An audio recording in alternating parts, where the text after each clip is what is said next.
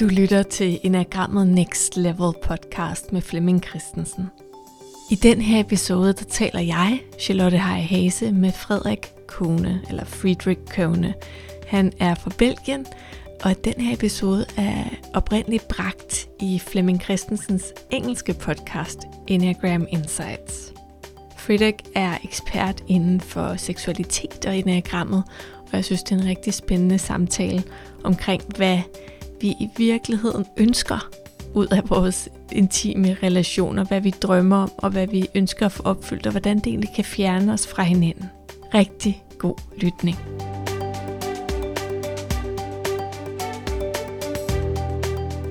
Welcome to today's episode, and I'm so excited because we have an amazing guest today. It's Fredrik Kone, and he is actually a citizen of the world and is right now situated in Bali, and it's 31 degrees there. And I will just reveal that in Denmark it's really cold, and I'm sitting here with a sweater on. and uh, he just arrived from India and has worked as an EU diplomat in Ukraine and has studied political science and done amazing research on sex and human sexuality according to the Enneagram, how to use that. And he's originally from Belgium. The subtitle of this podcast is On Awareness, Presence, and Relationships. And I believe that uh, Friedrich can really offer us some knowledge about this point about relationships and uh, how to stay connected. So, welcome, Friedrich, to this podcast. Well, thank you very much for having me. It's my honor. Before I start, I want to ask if there's something you are um, preoccupied or especially interested in at this moment. Well, actually, as I'm on my sabbatical now, one of the main reasons why I wanted to take this sabbatical was actually to take a look at myself. What am I doing with my life? I mean, some people get into some kind of midlife crisis and I decided to jump into that period myself. I don't call it a midlife crisis. I call it a, a midlife awe because I, I, think that it's a very good moment to just reflect on what have I been doing in the past 20 years of my professional career and what do I want to do next? Because I feel that in the diplomatic world, I've done what I wanted to do and I'm not sure I want to continue. Maybe after the two years sabbatical, I will, I will decide that yes, that's what I want to continue doing, and I'll go back with lots of motivation. But maybe that's not what I want to do because the last few years I felt that I want to work more with knowledge. Doing research is what really inspires me. Sharing insights with other people is something that I really enjoy doing. Just debating, discussing with other people, trying to dig deeper uh, and, and maybe that's what I want to do in the second part of my professional life. So, what I'm doing during my two year sabbatical is not only reflecting on what I want to do, but also I want to spend my time just writing a bit more about the Enneagram, doing more research. I want to continue the, this sexuality research and, and really wrap it up in, in the next year or so. I'm also trying to understand the subtypes a little bit better because I feel that there's still a, a certain gap in the literature in the last few years, quite a few people have written some very good books, but I, I still feel that I can also make some contribution to that. So that's what's really keeping me busy nowadays. I love that midlife awe instead of crisis, the some kind of awakening or status that you look back and and is are you on the right path? So that's very inspiring to to be able to do that and uh, and see what comes out of that. And I'm just going to say that there's some hens or a, a rooster in the background in Bali where you're sitting. Yeah, indeed. So sorry for the audience, but you'll just have to get used to the uh, Balinese background noises, I fear. I like it. When I talked to Russ Hudson, it was New York and there was like sirens from the hospital. And with you, it's uh, nature. And yeah, that's, that's, but that's very good. We can sit in so different countries and communicate. So if the listener was listening, what is it? Now they know. I know that you were, uh, you got interested in the Enneagram because your wife was a psychotherapist. She is, she was also interested in, in studying it. Can you tell me a little bit about that journey for you? Yeah, so my wife was actually in business before we, we got married. And then as we got married and she, she followed me on, on a diplomatic mission, she, she basically gave up the, the business step by step. And she was more, she was actually also on, on some kind of change in her own life. There were some issues that she wanted to deal with. And she thought by studying psychology that she could really work herself through these things. And, and she, she really did of course, um, if is going through a journey and you're married, you don't go on a journey on your own. You do it as a couple. So that's why she also got me involved in psychology. And she had just met some friends. We were posted in, in Belarus, and she met some friends there. And they were organizing a training on the Enneagram. And, and I was a little bit thinking, like, oh my God, what is this? I mean, even the title alone, like Enneagram, like, like why do you want to be so mysterious about it, right? So I was like, okay, fine, I'll go. My wife was going to an NLP training. I had a week off. So I said, okay, I'll go to this Enneagram training and let's just check it out. And I found it really interesting because I, I was, I've always been interested in understanding humans, humanity, and so on. But I had not expected that the Enneagram would come up with so many insights and that it would give so many answers to questions I had been thinking about for such a long time. So, of course, in the beginning, I, I was pretty skeptical um, about everything I was hearing, and I was filtering it through and, and maybe challenging the, the, the, trainers a little bit. But step by step, I got more and more involved. And yeah, as I also have a background as a, as a researcher, I mean, once you've done research, it, it never leaves your mindset. Um, and that's why I decided that I wanted to dig deeper into the Enneagram. And then that's also one day how I got in, into researching sex and the Enneagram. It actually started as some kind of joke, but then it just got deeper and deeper and deeper. There's wisdoms and jokes sometimes. yes, indeed. Yeah, yeah, yeah. Yeah. What has your Enneagram type or the Enneagram taught you about being human? Was there something you realized Oh, the Enneagram helped me to realize so many things. It, it, really showed me what my challenges were in relationships with other people. For example, I always thought that people were, let's say, moving away from me. I was actually the one who was moving away from them, just because I was not open to them, just because of my attitude of of being sometimes provocative, sometimes skeptical. I, I, was not creating an environment that was very welcoming to some people. Sure, some people like it, but other people don't like it. And that was something that I didn't see. Also, in terms of my relationship with my wife, it really opened up a lot for me um, because I actually understood, thanks to the Enneagram, that my wife and I have some kind of perfect um, compatibility of neurosis, or we're like a perfect neurotic match. Uh, it may sound a little bit like uh, clinical, but it's it's just about the fact that we really fit well together with our personalities. My wife is a self-preservation too, and she really wants to hear how she is being loved without having to do anything for it. She wants to hear she's loved not because she deserves it, but just for the fact that she's there but she's very, very good, of course, as a self preservation too, in creating this kind of very homey atmosphere. When I get back home from work, that everything is nice, that it's calm, that I can really relax. And as a self preservation too, uh, six, that is really what I what I really value. I want to come home and just be able to relax. I can just forget about all the anxiety. I, I don't have to think of what about this, what if this or that happens it's really like this safe little cocoon. We basically give each other things that we require, but we don't really want to ask for it. So this is what I, I think is, is very good. And the Enneagram really helped me to, to see that because from one side, it's, I mean, it's, let's say, very romantic, right? That there's kind of compatibility here. But from the other side, it can also be destructive from the other side, it's also there is a certain lack of um, honesty, you could say there, because It's being happy with things that are unspoken, but you're actually still silently expecting them.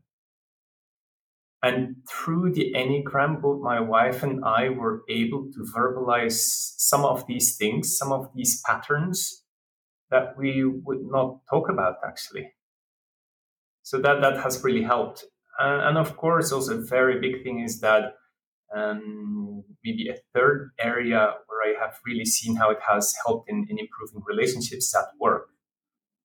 Being risk averse, being loyal, is perfect for a civil servant. So for me, in, in my career in, in a bureaucracy, it's really been ideal. But from the other side, it also meant that I was not always speaking up, that I was not always telling what I really thought. Now, it doesn't mean that from one day to the other, I became um, brutally honest and told everybody what I really thought about them. No, that would be suicidal and would have meant the end of my career. But I was at least able to see when I was maybe not saying what I should be saying. And I was, I was trying to find palatable ways of at least speaking my truth not in terms of pushing forward my agenda, but at least making sure that I would speak up, that I made sure that my, my voice was heard. And then, of course, it's up to the other people and the collective to, to take a decision.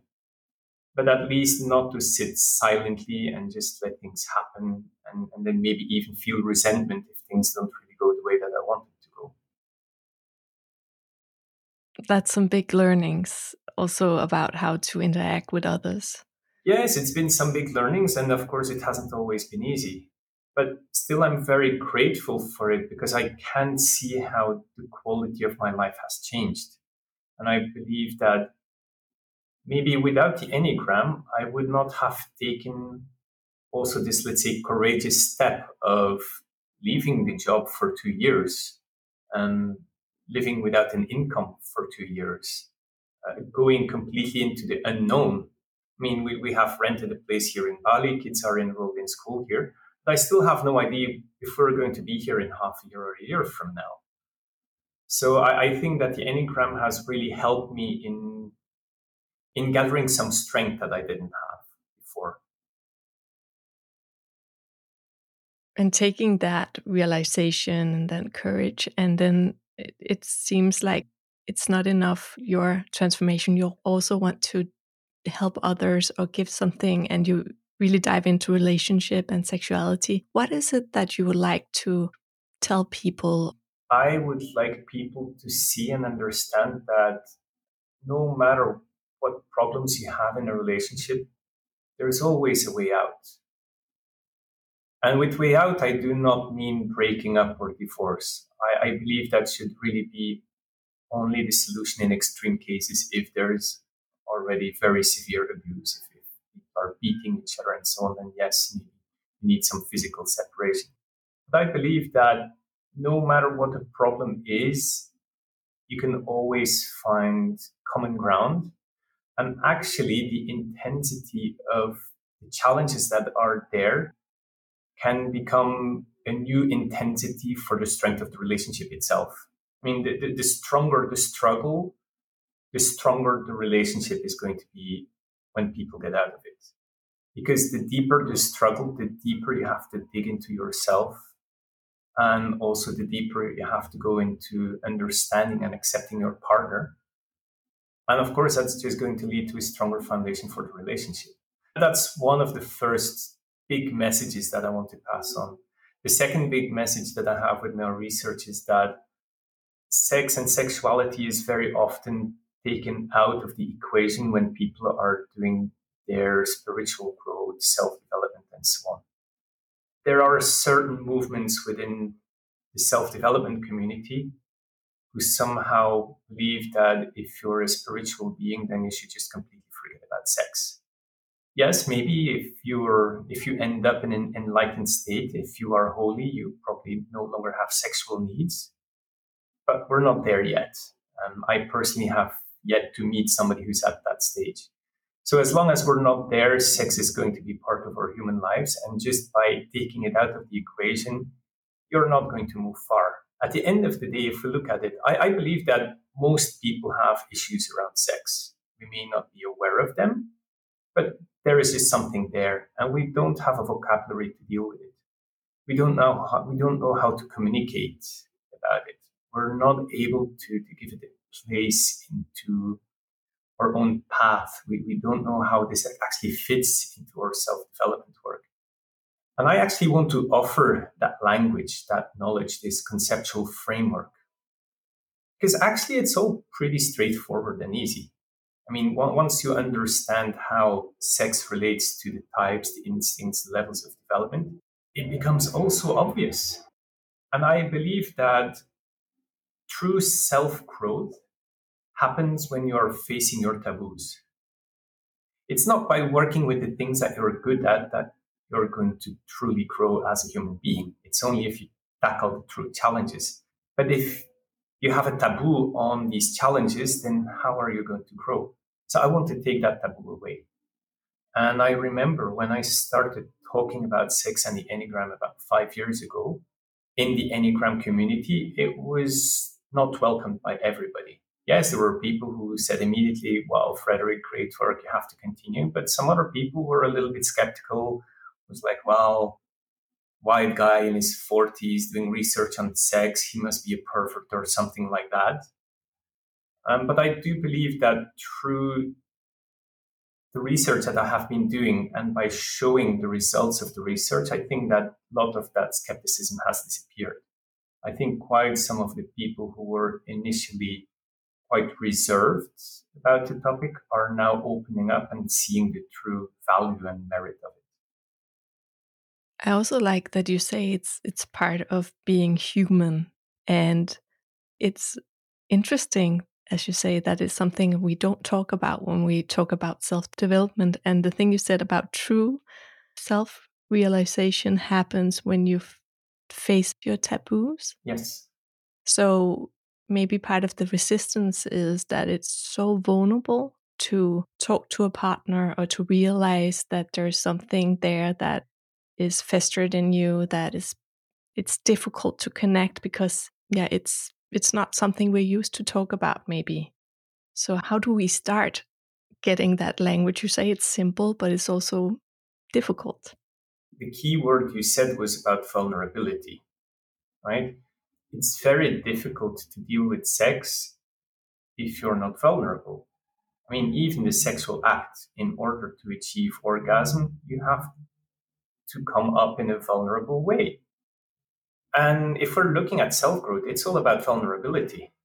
And I think that look, you can go to all kinds of trainings and workshops and you can talk about challenges, your childhood traumas, and so on, and you can show up with a lot of vulnerability but the vulnerability needed in sex and sexuality is way bigger than talking about your childhood traumas. It's like the most extreme form of showing vulnerability. And that brings us to the topic of communication because what I have come to understand is that when there are problems in, in a sexual relationship, very often it's just about changing the communication about sex. It's not about doing something else. It's not about experimenting more. It's not about some different positions or something like that. I, have spoken to quite a few people who have changed their perception or who have changed the satisfaction of their sex life, not by changing anything in their sex life, but by changing the way they communicate with their partner, the way that they talk about their needs and their desires. And even if their needs are not met, the fact that they were able to voice it, the fact that they were heard by their partner is already enough for them to say, I feel seen. And I think that to come back to your question, like, how do we start this? What do we do? I believe that having the, the, the conceptual framework of sex and the Enneagram somehow depersonalizes it. If you can talk about sex with your partner, not from the sense that this is what I feel, this is what I desire. But if you can say that, well, hey, did you know that sevens deal with sexuality in this and that way? And then the partner can say, well, yeah, you know that ones, ones deal with sex in this and that way. It's not about yourself anymore. It's providing this kind of bridge. It's like the, the, the the door into the discussion. You're not talking about yourself, you're talking about archetypes, about caricatures. You can laugh about it. And if you can laugh about these caricatures, then you can more easily also start talking about yourself. You can become curious about your partner without feeling there's something wrong with your partner. Because very often when people face some challenges in, in their sexual relationship, most often they're just going to blame the partner. Most often it's like, well, my approach is the right one, but there's something wrong with my wife, there's something wrong with my husband. But if you see that the type is just programmed to behave in a certain way, then what else could you expect from your spouse? And that's where we get to the acceptance, right? The moment you really understand what is happening, if you understand how your spouse is programmed sexually, then the only solution is to accept that. It doesn't mean you like it. At the end of the day, we're still humans. We still have our preferences, but at least you're no longer going to blame the partner. And once you're no longer blaming each other, then it becomes, then, then I believe that most of the issues just sort themselves out on their own. that's uh, very interesting to use the Enneagram in that way because I hear a lot of people say we should not, we should be careful not to say you are this type, so you will do that. We need to catch ourselves and realize our patterns and then move out of it. But now you use it also as a framework of not making it so personal that it becomes difficult to have these conversations. So it can actually be a way to use it in a way that we do accept and do listen yeah, exactly. I, I, do agree with the fact that we should not over-identify with our type because some people, some people want to become the caricature of their type. Some people mistype themselves and then they want to start living as if they were that archetype. That's not how we should be using the Enneagram. But indeed, I do believe that there are some cases where we can use it to just depersonalize the situation. And it's not only about sex. I, I think sex is just a good application, but it can also be about other issues in relationships. It can be about attitudes towards money. It can be about attitudes towards parenting. Because if you understand, I mean, at the end of the day, the, the types are just, let's say, the software, right? I mean, the different types are like a different operating system. And if at least you understand what these different operating systems are, what their peculiarities are, it's going to make it easier to understand partner. But it doesn't mean that you have to look at your partner as the type. So it also doesn't mean that if you know how type one behaves in the bedroom, that you have to perceive your spouse as just one. There's so many other things that come to it as well. Um, because there's also societal values, um, there's things about upbringing, and past experiences, and so on. They, they all add different flavors to the sexual experience. Mm-hmm. It can be a starting point, but not, you know, the end of the conversation. I'm like this, you are like that. Exactly, it's a starting point. And also, if we, if look, if we remember, how did we study the types in the beginning? The first classes we took in the Enneagram, we just studied some kind of caricatures. We were just studying some kind of archetypes. It was not about real people. It was just to give some kind of a model that helps us to understand a reality, but it's nothing more than a model. And also here, it's just a model that is the starting point to launch a discussion, to, to start communicating with a partner. And it's only the first step, but very often the first step is the most difficult one. And I, I, do think now we talked about vulnerability and this subject. I mean, when you think about sex, it's the three centers that we are told should be in balance the mind, the heart, the body. All that comes together uh, in an intimate relationship if if we're able to access it. And you said a lot of people have issues here. So I just want to point out again that it's a, a, an important topic you you're raising and you're you're researching and if we we say the first step is to realize maybe there's something in our types that can help us in this communication what do you suggest we we then do Well, I, I think the first thing is just about understanding, understanding where the challenge is. And, and it brings me to something that I heard from, from one of my teachers about eight, nine years ago. He said, There's not much sex in today's sex. And, and it was something I didn't really understand, and he didn't really elaborate on it, but now I understand more. If we really think, why do people have sex? And if you look biologically and anatomically and so on, there, there's three main reasons why human beings would have sex. One is for reproduction, the second one is for recreation, and the third one is for relationships, right? It helps the bonding, the oxytocin, so people will start caring about each other. But if you really ask people, like, why do you have sex? Then most of the reasons people will come up with are not related at all with this reproduction, recreation, or relation it's all going to be about ego gratification. Now, if you have sex in order to seek ego gratification, you're going to run into problems. Sex was not meant to be for ego gratification. Can you bring an example of ego in a type? So, for example, type 1 may have sex because they think that having sex is the right thing to do in a relationship. And they have somewhere heard that a couple should have sex twice a week, so they will have sex twice a week. And they have heard that certain positions are right and some positions are wrong. Of course, very much if they are inspired by certain religious traditions. And that is what they are going to stick to. So there is no spontaneity in there. So it's all about doing what they think is the right thing to do.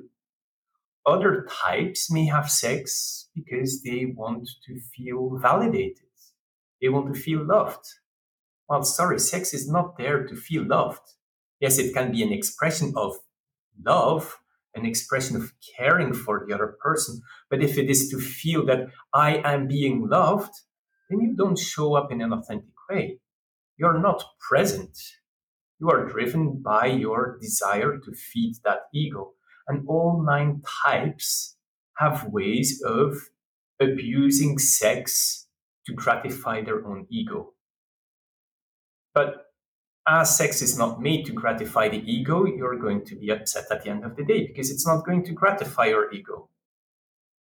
It may be fun, you may enjoy it, but it's not going to give you the needed effect.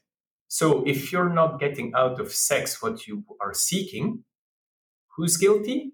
Of course, it's a partner because the partner is just weird. The partner has some kind of strange views about sex.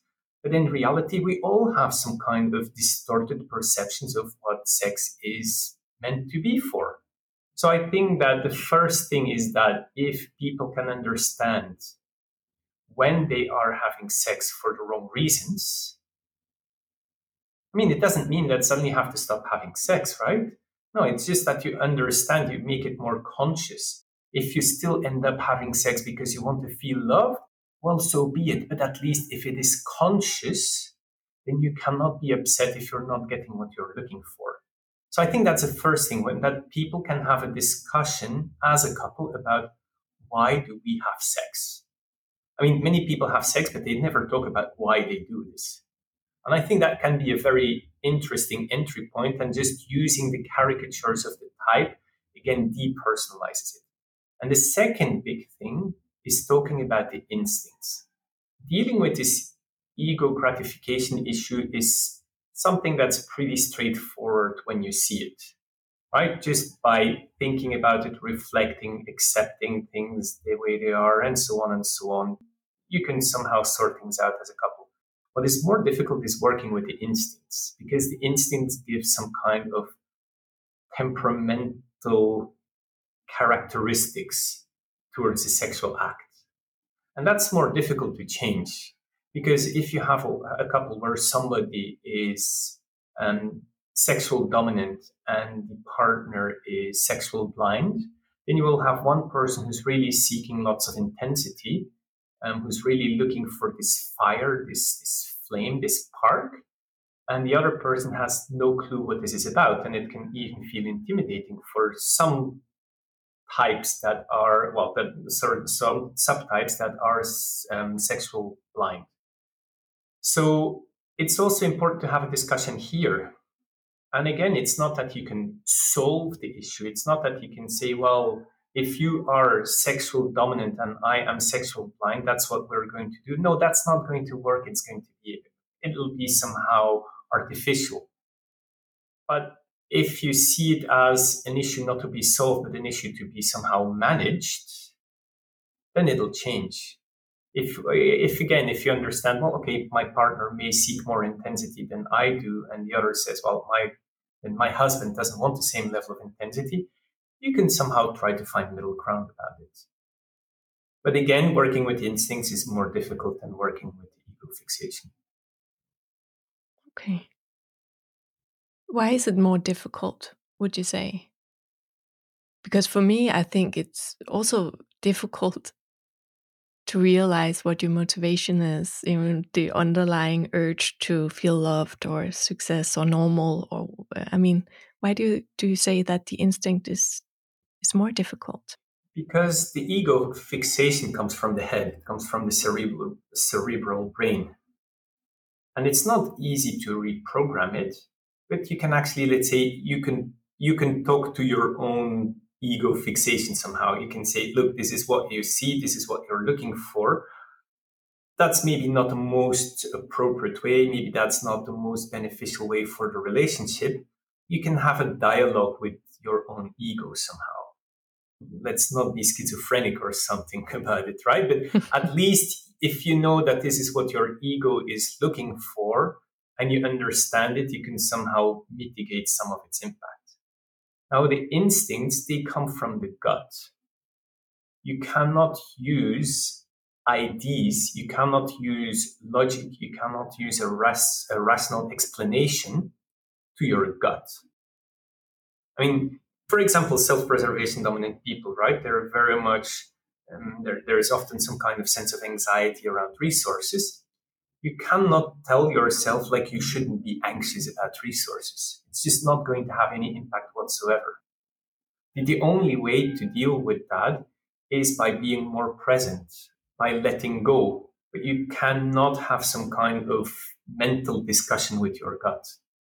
And that makes it more difficult we actually have three brains in our body. And ancient tradition spoke about that for a long time, but also neuroscience has discussed that, that we have not only our head brain, we also have neurocardiology, we have neurogastroenterology. Our gut is really in our intestines. And in order to communicate with that brain, it's very difficult. So, awareness and presence, that's very important. Yes, indeed. Because at the end of the day, I think the sexual act just requires presence, or ego is taking us away from presence. You, you cannot say that one type is more prone to be present in sex than the other type. Type is actually what takes us away from presence. It's, it's by being present that we can use a sexual act to its full potential. Sex is not only about getting the orgasm, it's not only about feeling alive, about feeling the spark or something like that. It's really about many things at the same time. Yes, there's orgasm. Yes, there is um, the spark. Yes, there is the bonding and, and the release of oxytocin that is going to lead to caring for the partner.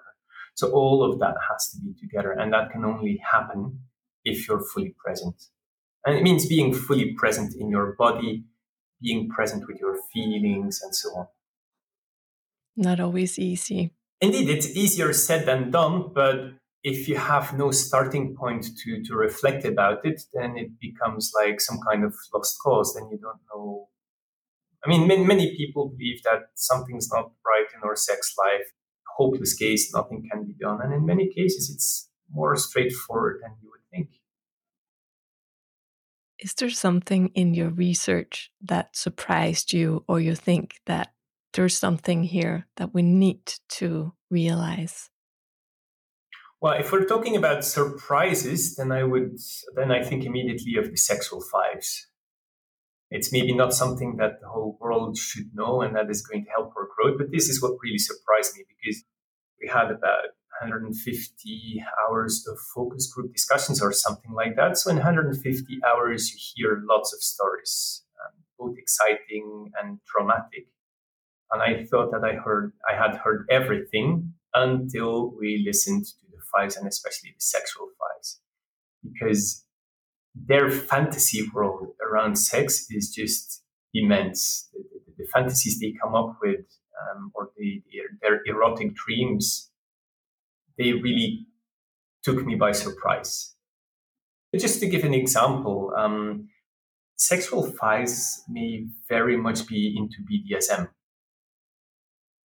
And I was hearing some examples of some people who were talking even about fantasies about being abducted by aliens and being brought in a bunker where they would be sexually abused by that alien or having mind sex with people or, or, um, or beings from a different dimension and so on. If then you put it in the perspective of the subtype, then it all makes perfect sense I mean, the, the, the five is very much living in the head. And for them, sex is very much a mental experience. And if then we take the sexual instinct, it is very much about what is beyond the material realm, what is completely from a different dimension. And this is when the two get together, and as they have a very strong fantasy world, some of them may go into that direction. Again, it's not that all sexual fives have this kind of fantasies about aliens, right? But it just explains uh, where it comes from. So I, I, think that was the thing that really surprised me.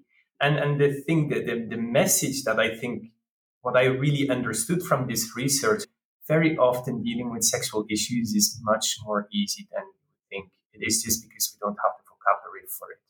You cannot sort out the problem if you don't understand the problem just by understanding it, you're already halfway. Yeah. It takes something also to have, um, to I, I, think, to do this research and have people's um, trust. Again, it's vulnerable to talk to even your partner about fantasies, and here they are being interviewed. I think it's easier to talk about sex with strangers than talking about it to your spouse because you don't have sex with these people. And I actually found it interesting that many people opened up rather quickly and they went very deep and they were very, very vulnerable in what they were sharing. Now, the good thing was that we had nine sessions with all the types. So we had nine sessions of an hour and a half. And in the first two, three sessions, people were getting to know each other. But from the fourth session or so, things went deeper because people could feel that this was a safe environment. They were not being judged. They were with other people who actually fully understood them because maybe their spouse didn't understand them, but at least this bunch of strangers who happened to be of the same type actually truly understood. And that gave some kind of support. And that actually created an environment in which people wanted to share, people wanted to be heard. Because I think that when we have some issues, and it doesn't have to be around sex, just anything, it's human nature that we want to talk to people about it.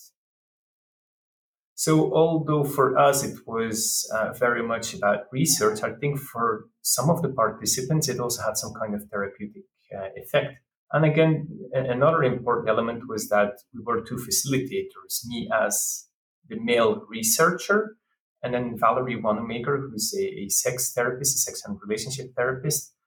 And she came with the more female side. She had more the caring aspect.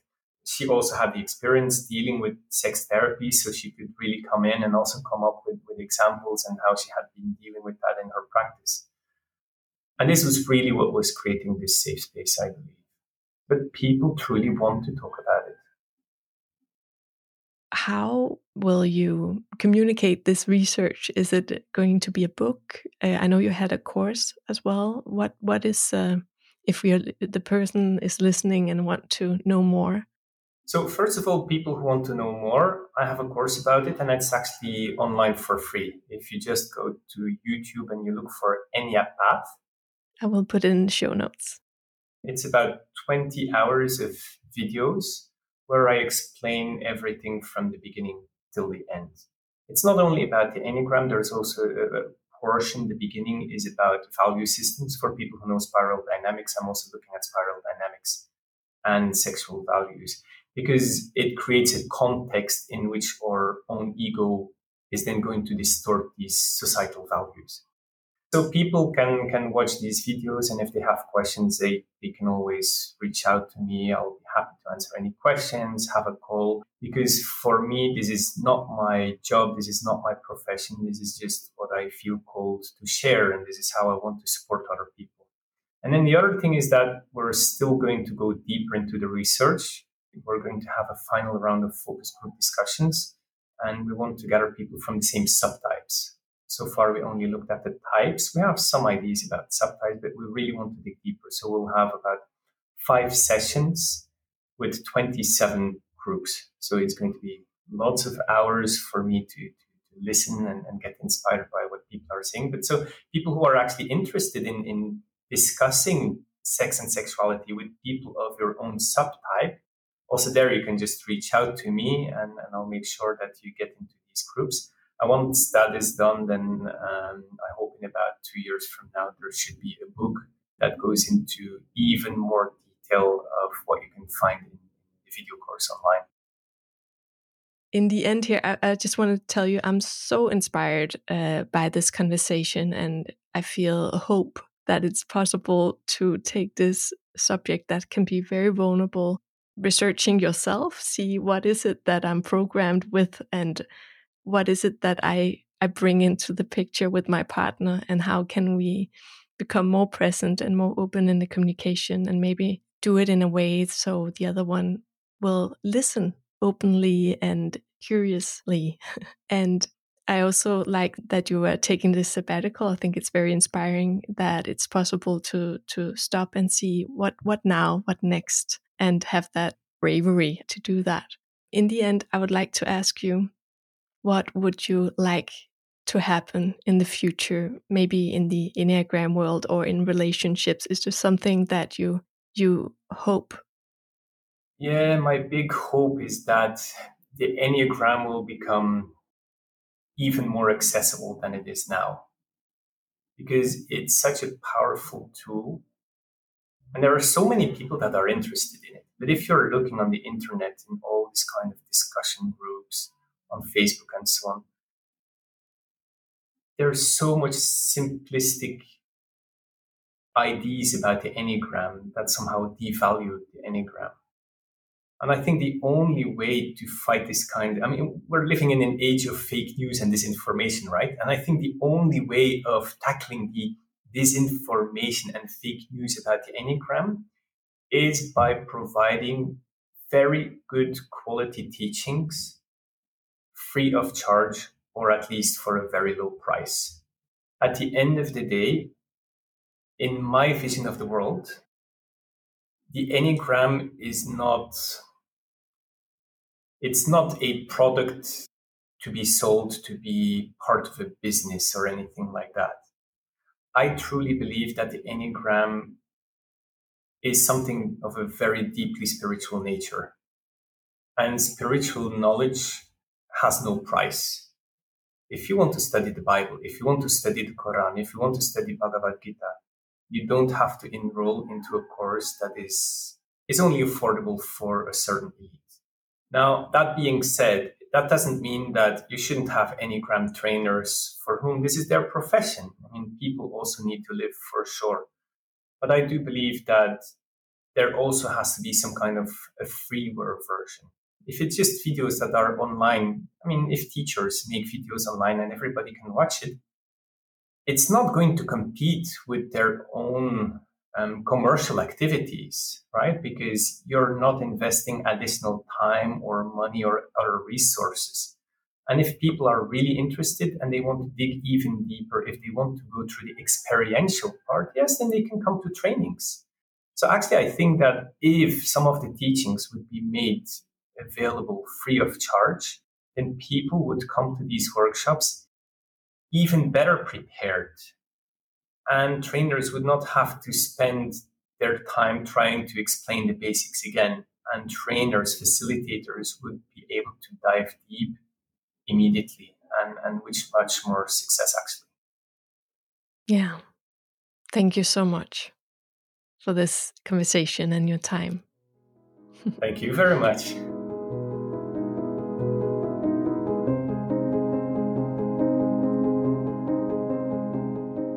If you enjoyed our podcast, please subscribe and rate and review us to help grow and reach more listeners like you. Can't wait to connect with you again in our next episode, where we'll dive into more conversations in search of greater awareness and presence and relationships.